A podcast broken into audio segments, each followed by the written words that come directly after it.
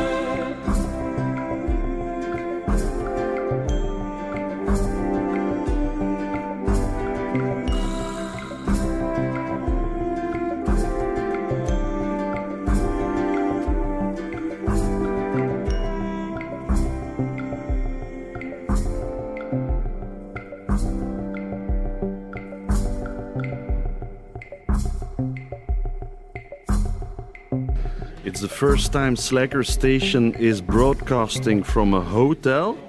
That's because my guest today is Zach Condon, also known as Beirut. Hi, Zach. Hey, nice to meet you. Uh, you're not a real slacker, I guess, because you're always traveling around.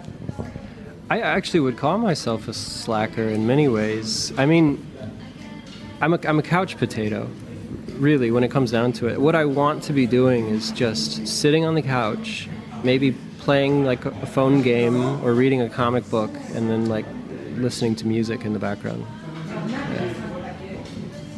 I thought so. Yeah. okay. but when you look at uh, what you all what you did the past years Yeah. i was like he travels around a lot do you have a, a place that you call home No, I mean that's been the problem. I yeah. So currently, I live in Berlin. I've been there seven years. Before that, I lived in New York on and off for 12, but I also lived in Istanbul and I lived in Paris very shortly for a while. And then originally from kind of Albuquerque and Santa Fe in New Mexico. Yeah, that's it's it's a problem for me that I've never really found a place and I, we could talk about that if you wanted to. On my couch. Was Beirut the, the first name you came up when you when you formed? Can I say the band, or, or could it uh, could it have been Brussels, or Antwerp, or Bruges?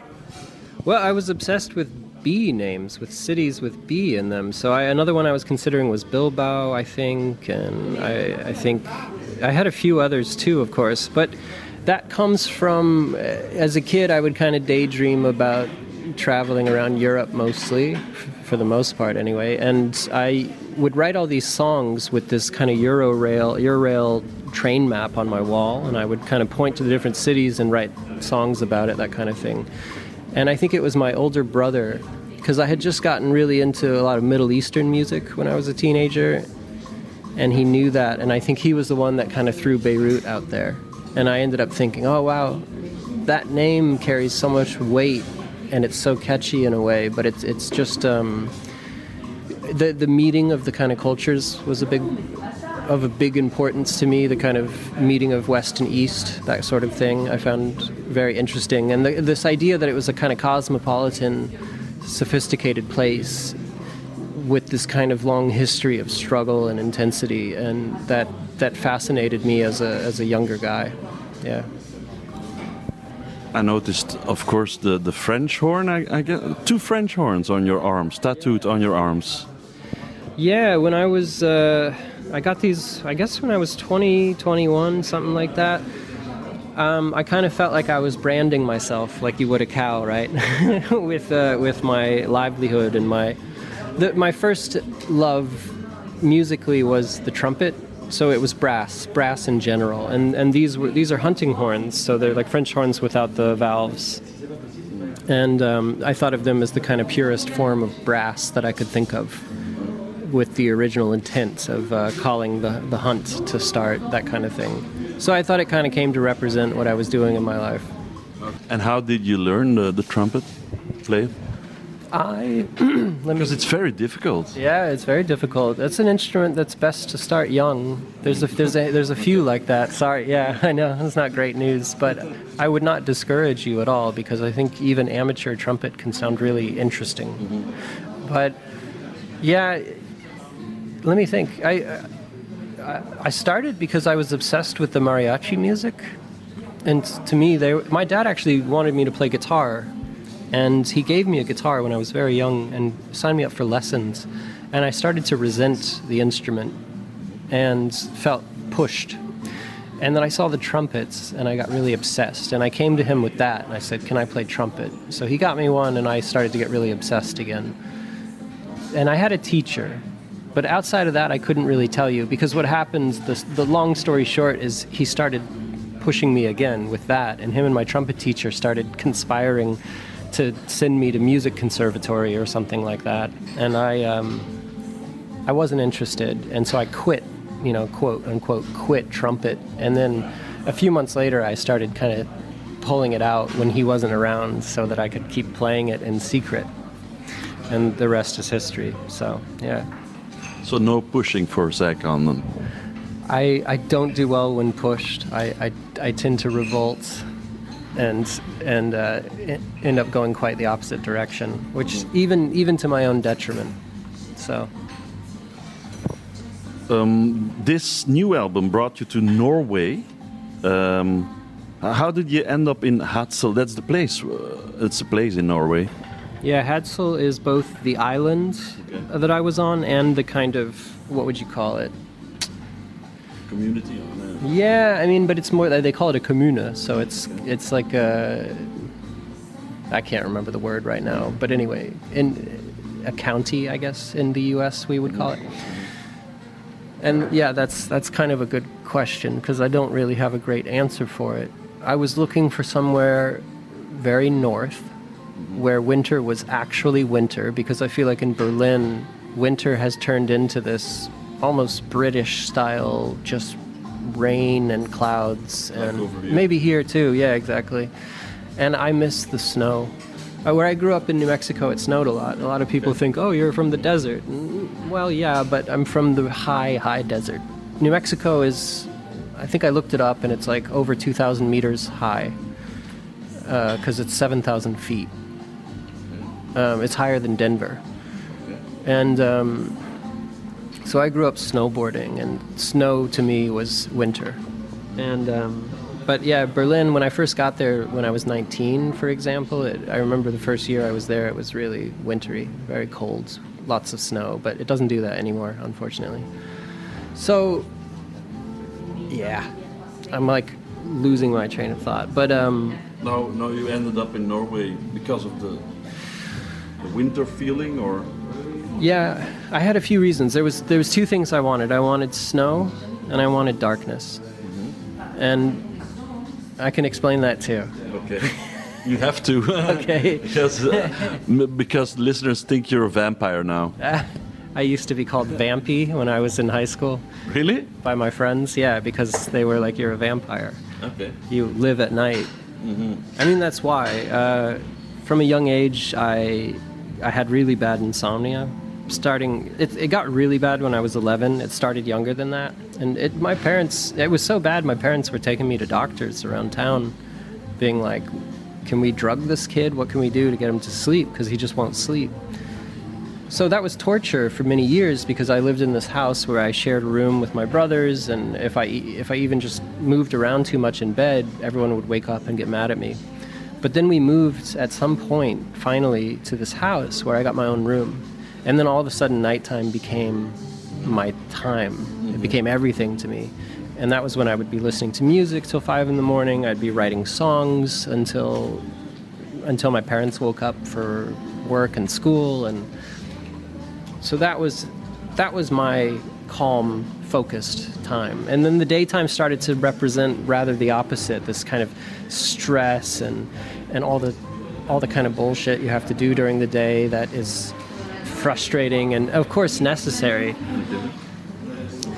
And so at the time when I picked Hadsel, I was really I was in this horrible mental state where I was just frazzled and destroyed from having to cancel these tours. And there was so much horrible stuff to deal with during the day that I kind of said I want to go somewhere where there isn't any day left. And that's when I knew I had to go north. And so I was shown Lofoten Islands which is a little bit to the south of Hadsel and it's actually right below them, right below the island. And um, when I saw pictures of Lofoten, I went, "That's that's everything I've ever wanted in the world to see these kind of mountains and fjords and, and this dramatic kind of northern lights and all this beauty." So it was there that I kind of was originally intending to go, but then I learned that the place is completely and utterly overrun with tourists 90% of the time and that there isn't really any peace when it comes to a place like that. And I went there, and I, I that's kind of true. It's still worth going because you'll never see anything like it anywhere else in the world. But um, that's how I ended up with Vesterålen, which is the state to the north of Lofoten. And then, more specifically, I ended up on Hadsel because I saw a listing for a place that I could stay at, and they had a pump organ. Yeah. Yeah. Big organ. No, this was a normal like this was a you know like a you know a piano sized. The pump organ is just it's a reed organ. So imagine an accordion that you pump with your feet instead of with your arms, and it's it's the same mechanics. And I saw that and I went, oh, I have to see it.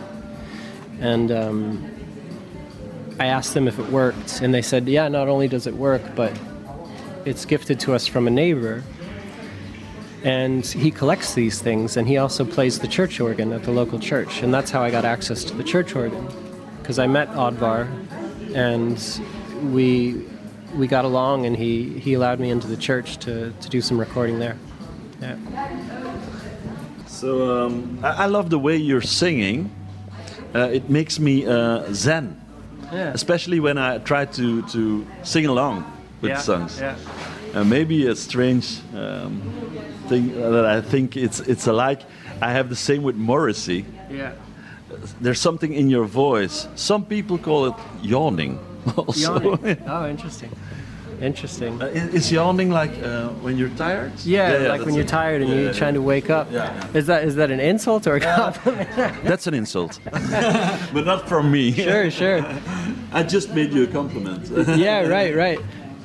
Frankly, I'll take it. Um, I'll take it.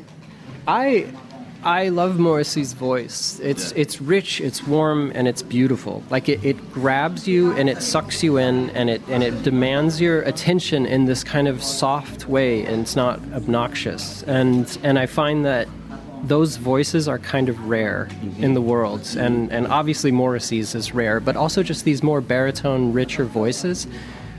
Surprisingly, you don't run into them very often. I don't know why that is. Maybe Van Morrison has also Yeah. something in his voice. He's still doing it. has it? At, at, at 70. Right, still right, he's sounding like. He's incredible, and he was one of my earliest influences as well. I, my father is a fan of his. I grew up. I didn't know he was Irish until I was um, in my 20s or something like that. No, all these voices are the ones that I really gravitate towards, that really get me. And I was, I didn't know I could sing. Um, it's, I mean, I grew up singing a little bit like Christmas Carol with my family or something, but um, I didn't know I could sing. In fact, one of my around the time I was starting to make my own recordings, I was listening to Radiohead a lot, Kid A, I think, and I think that was 2000, right? That's 2000, yeah. Yeah. So I would have just OK Computer was 99, okay, yeah, so it's even later. yeah, yeah. So I think 2000s. So I think that was when I, I think it was 99, 2000 that I got my first four track and I was making music. And I remember being like, well, it's unfortunate I can't sing because I couldn't sing like him. Mm-hmm. Because I was trying to sing along to his music and I thought, no, never mind. I guess I'll just do instrumental music. Okay. And then I heard Stephin Merritt from Magnetic Fields. I don't know. It's a really, he has a really deep baritone, like Okay. n- bass, I would say, actually. And I remember thinking, huh. And I had these two extremes. And then I, one night, I just tried it out of nowhere. I must have been 14 or 15. And I just, just sang the first pitch that came to my, and it, I was so excited. I ran to my brother's room on the other side of the house. And I said something like, I can sing like Sinatra. Which, no, I can't. I can't at all. But I was amazed because I found my voice right in the middle of these things, and I, I was so impressed that it worked. I couldn't believe it. And so then it was just to kind of, it took a couple years to find where it sounded right, you know? It's different than Morrissey or Thom Yorke, but it has the same emotion, I, I guess. Yeah. For me, when I hear you singing, hmm. it's some, there was something new when I first heard it, but it was also familiar because of those other voices that I yeah. like. Yeah, that's interesting, you know. And Morrissey's music was really. My brother, he moved to New York when I was 14 or 15. Yeah, 15, I think. And he came back with all these records that we hadn't heard of in New Mexico that were harder to get a hold of. And Morrissey was one of them. And he, he didn't leave the record with me. He played me the whole record once. I, I don't remember which one it was and he took it with him back to New York. And I remember I started writing these songs, and I would send them to him in New York, and he would be like, "Zach, you stole another Morrissey song," and I'd go, "Oh, I thought that sounded familiar." And that kept happening. So clearly, it left like a deep impression immediately. So, Okay. Yeah. So I, I, I Inventing a connection or something? yeah, yeah, No, but no. it is there. It's very much Okay, there. Very so much there. I- Yeah, I yeah. can hear it. Okay. Absolutely. I love. So love it's not his, in the song yeah. making or something, but it, there's something. It's it's his mel- its sense Yeah. of melody. Yeah. Be- to me, it clicked so. It just made so much sense. Just the way he was dancing around his voice, of all things. He was using his voice, and it was like he would sing a note and be like, "Oh, that felt good." Here's what feels good next to that, and it's it's all depending on how his voice works. But these are these are voices you can't you can't make that up. It's you have it, and that's it. It, Yeah. You sound the way you sound, and if you try to sound like someone else, you're gonna fail. It's gonna be horrible. It's like I, there's some songs that I did around like my second album, The Flying Club Cup, where I was attempting to do something kind of like Jacques Brel, Okay. and I to this day it's like I'm like I, it doesn't work because it's not me, unfortunately. Yeah. Yeah. back to uh, Hadsel. What's what's your own favorite track on the album for for now at this moment? Currently and more recently, it has been the last song on the record. It's a song called Regulatory. Because I kind of felt it's an interesting one because it, it is the last I wrote, so it's the last that made it onto the record. It also was like, what's the word? If I could have a, it's like, how do you distill the entire theory of your music into one song? If there was one, that would kind of be it in a lot of ways. Because melodically, it reminds me the most of what I, when I first started writing music as a teenager, for example. That there was this kind of crystallized sense of melody that I wanted to get across, and I feel like in that song, that's it. Mm-hmm. And it's such a simple song. It's pump organ, a drum machine, an old drum machine from the 60s and 70s, a trumpet, and then a baritone uke plays one melody in it, and then it's my voice. But it, within it, all swirling around this one kind of note, it it just it is. It's like the crystallized form of my sense of melody perfectly. So I really like that one for that. Yeah.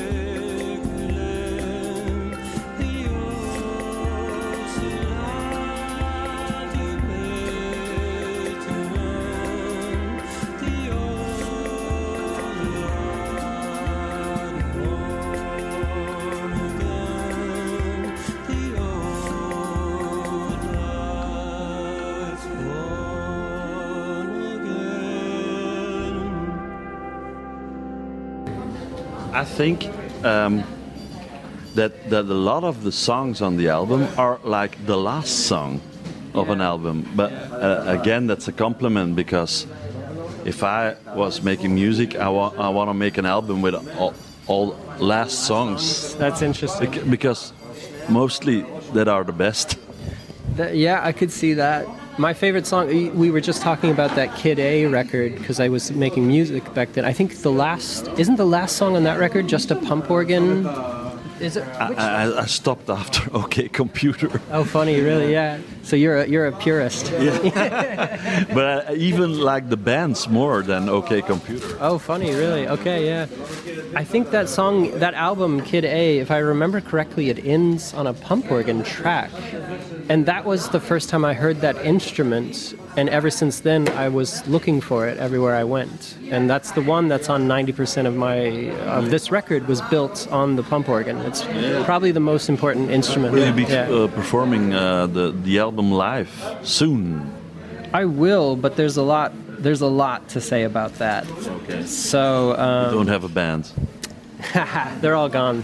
They. Uh, I have this really funny photo of me in Norway, sitting alone in this beached boat. You know, like a boat that's been taken out of water. Yeah, that's not the one in the in the typical Norway Norwegian um, sweater.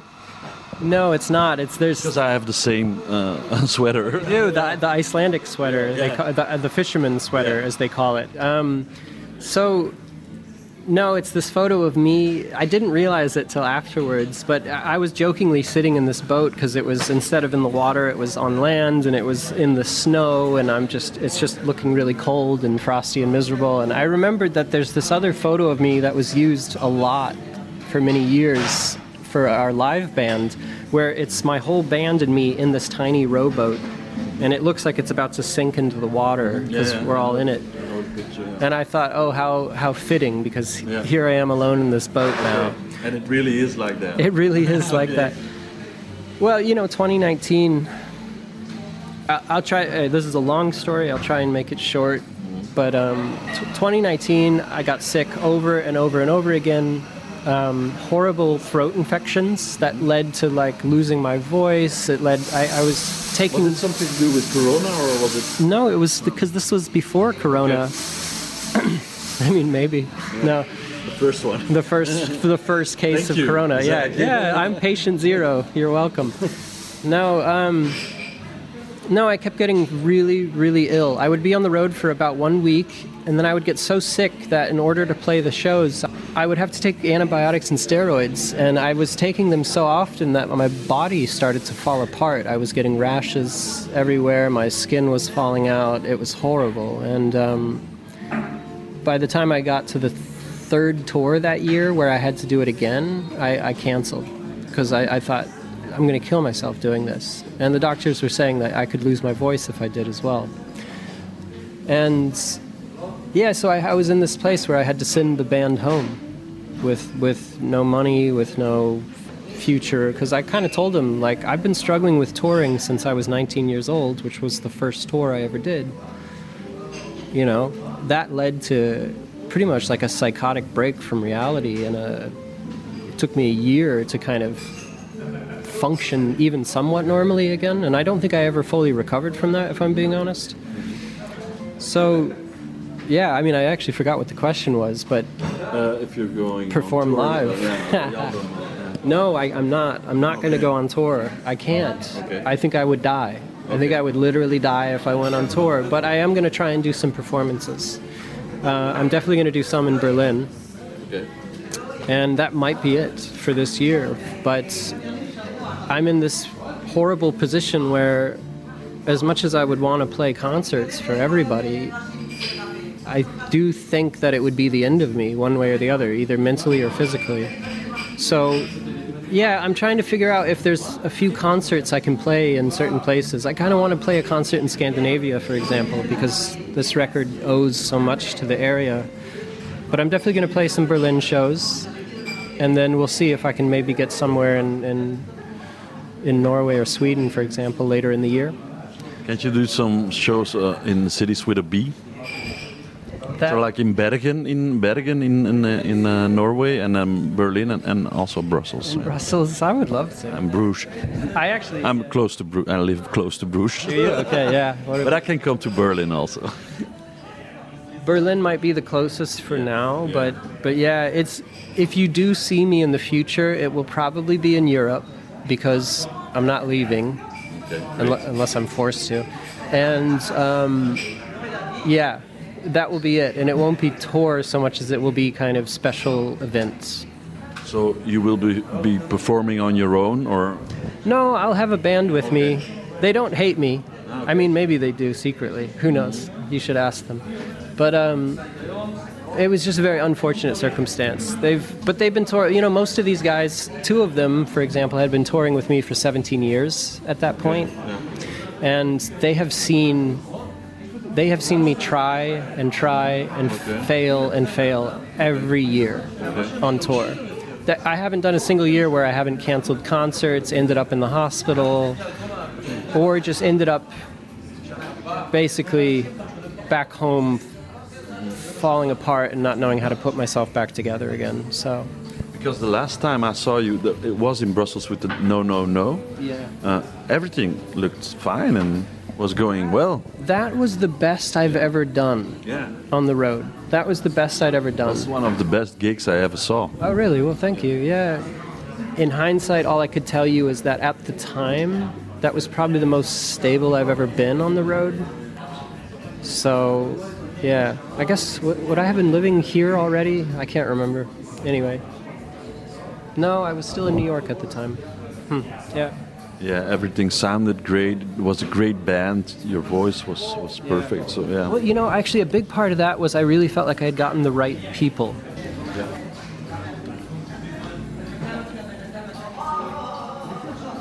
I asked you five favorite Sunday afternoon tracks. so uh, the first one you've chosen is Little Julian Herrera. Herrera, yeah, yeah. So this is the this has been my favorite doo-wop song. I mean, you could call it. I, I call it vaguely a lot of the music from this era doo-wop, but I think technically that's not the term. Um, it's just the pop music from the 50s and 60s, early 60s in the U.S., and that to me is the that is the building block of all great American music. Okay. It's also, again, it's like the crystallization. It's like the the best, the purest form of, of American pop music. And that's what the Beach Boys would have been based off of. that's what the Beatles would have probably listened to as well, outside of rock and blues and stuff.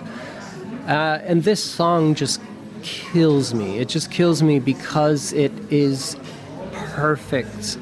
So if, if that form of music was a simpler, more pure form of music, that is a simpler, more pure form of that music. And um, because the melody is perfect. Like you, you can't write a better pop melody when it comes down to it. And his his take on it, his vocal part on it is the most laid back and yet emotional you can possibly have. It's just it is perfection in that way. And I, I don't know his story. I, I don't know what else he's done, but I know that there was a big scene in like L.A., for example, and so there's there's this it's funny because for me that the love of that music comes from two places. Culturally there's my father who introduced me to all music in general. And he, we listened to a lot of doo-wop and motown growing up in the house. And we would have listened to things like Frankie Valli and, and frankie and the teenagers and all these kind of classics like that. But then the other place i got it from was because there's a kind of subset of lowrider culture in New Mexico, and they listen to oldies, which is like all this good stuff like this. And I would have heard his song, this one, blasting out of a lowrider. And nothing screams Sunday to me than a cruise line on a like bunch of lowriders cruising around downtown Santa Fe. So that's why I picked that one.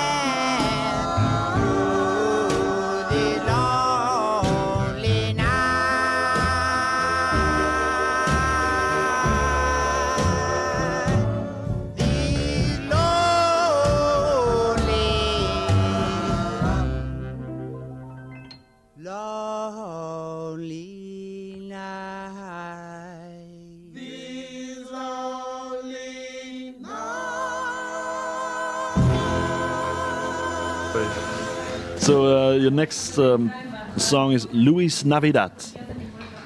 No, the song. The, he's the musician. Actually. sorry. Yeah. Yeah. So the It the. sounds like Luis Navidad. I'm, ass- I'm assuming that's not his real name. I could be wrong because it's probably a play on, on Feliz Navidad.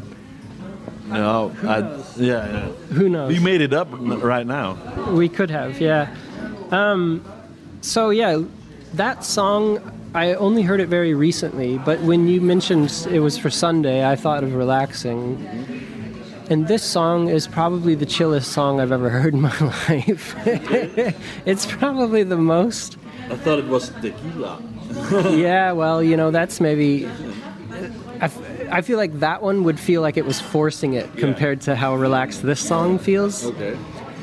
That song is telling you to relax. This song that I recommended is just it is relaxation as a song. It is so chill. And I, I know nothing about the musician. I I simply got recommended that song and fell in love with it. And I, it just feels really genuine. And I, I really appreciate genuine feeling in music rather than cool or pushy or anything like that. So that song can be explained very simply. It just it just is a chill song.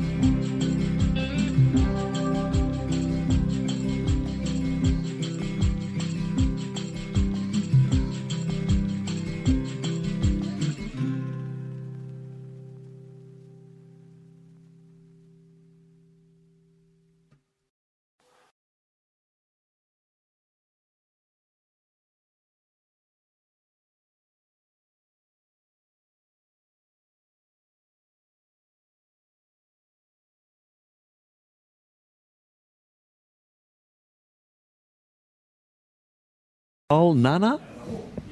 Yeah, so this is a this has been my favorite Arabic song. I, I tried to look up more about the uh, musician, I, the singer, but I don't really know much about him actually. I had actually changed my list a little bit, but um, so he's he's from the Levant. I think he's from. I don't know if he's Lebanese or from somewhere else, but he would have been from the kind of golden era, like I guess the golden era was more 40s and 50s, and then I'm talking more like 60s and 70s. In places like Beirut and Cairo, would have been a really big recording scene. But it, with this song, it's not like I have any great thing to say about it, other than it's such a beautiful piece of Arabic music. It's it's like an Arabic pop. It's a kind of mixture of Arabic classical and the kind of new wave that was coming in at the time. So it would have been when places like Beirut and Cairo were very influenced by Western music, actually. So you start to hear the mixture of them, and obviously they're now connecting the instruments, and you hear things like Western keyboards and, and other instruments and drum kits kind of being thrown in there, and uh, synthesizers and stuff like that. So you get this really interesting mixture of the two, and I found that to be a really potent time for the music in that of that area as well as that era. So for me, it's just um, it's just an incredibly solid song, and so I don't even know how well it relates to Sunday, for example, other than I just love it.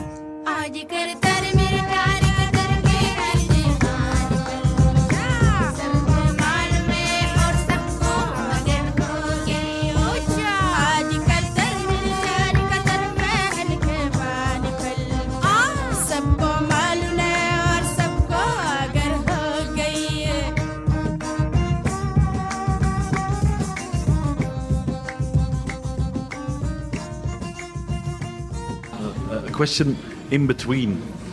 What's what's your favorite snack on a Sunday, the day after you played? Hopefully, a marvelous gig in Brussels or in a place with a B. Are you saying a snack that I would eat here or just in general? In general, that you really love, or a meal. It, it don't. It doesn't have to be like a small snack. You can Well, the problem the, the problem is is that anyone more or less outside of New Mexico wouldn't know what it is, but it's we we have we have such a specific cuisine in New Mexico that no one outside of New Mexico knows about. It's starting to become more popular in the U.S. because people are starting to realize what an incredible cuisine it actually is. Yeah, because it, it's basically Mexican food, but we have chili. We have this special chili that only grows in northern New Mexico. And we smother every meal in it. So breakfast, lunch, and dinner is with this special chili. And it's not immediately when I say chili, I have to add the disclaimer because everyone always thinks, oh, like Texan chili. No, no, no, nothing, nothing like it. Um, Texan chili is an aberration of nature. It's horrible. No. Um, our chili is, is a pure, it's basically just the chili plant made into a kind of, almost like a kind of curry. And there's not much else added to it, just enough to thicken and make it more more liquidy, I guess. So I would, the best meal in the world that I could ever think of would just be any New Mexican dish smothered in chili, green or red, both. Christmas we call it. Yeah. If we, if we want to make it over here, what, what do we Google? Like just Mexican chili or? New New Mexican chili. Yeah, sorry. And then you, and then you have to specifically spell it chili like C H I L E. That's how in New Mexicans differentiate it from the rest of the country, where they spell it I L I for chili. It's the only way we can specify that it's our type of chili and not the rest of the country's different types of chilies. So, if you wanted to look it up, look up maybe New Mexican green chili, and that would get you a, probably a more specific result. Yeah. One of the best answers ever in this third season of Slacker Station. Thank you. Glad to add something. So uh, another even deeper question in between your songs, uh, your chosen songs. Uh, what has to be written on your gravestone Oh man. when you come to pass? Right, right. I don't know if I don't think I would write anything. I mean, just listen to my music. I clearly barely I mumble all my lyrics to the point of incomprehensibility. Half the time I don't even write lyrics and to this day people are asking me what certain songs mean and they, they don't mean anything. There's there's no I always felt that music could communicate something that lyrics and words could not. And so it actually often confused me why people paid so much attention to what they were saying. I, here's how I see it. I see music as this force of nature that just transcends and lifts away from the planet and just goes into the kind of ether regions where it's you, you can't even there's no words for it. And then you put words on it and it's like someone like hammering a kite to the ground you know it, it, often even can take away. I'm not i'm not a purist about this. There are great lyrics. There really are wonderful great poems basically that are sung over great songs. But to me the song is different than the poem that is written over it. And i still see it that way even if i like both. And so for me yeah my grave would be nothing. It would be lyricless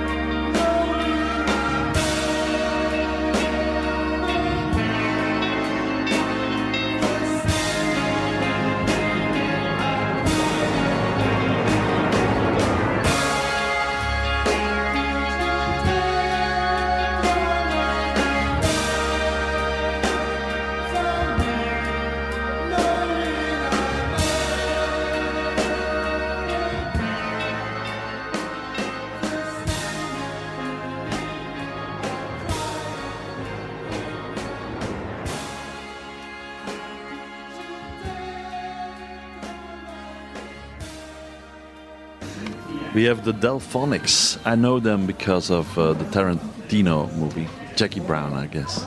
Yeah, yeah, I, I do remember it being on there. That song I kind of rediscovered recently. I knew it when I was younger, but um, again, this just came to mind when you said Sunday.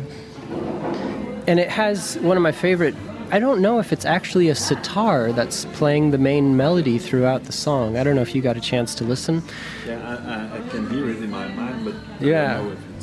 So this is just a beautiful melody, and that song it just it just takes you places. But it's it's also in a lot of ways it's like a lazy river, the way it travels. And I have a deep appreciation for these types of songs that don't have anywhere to be in particular, but they just they just radiate beauty.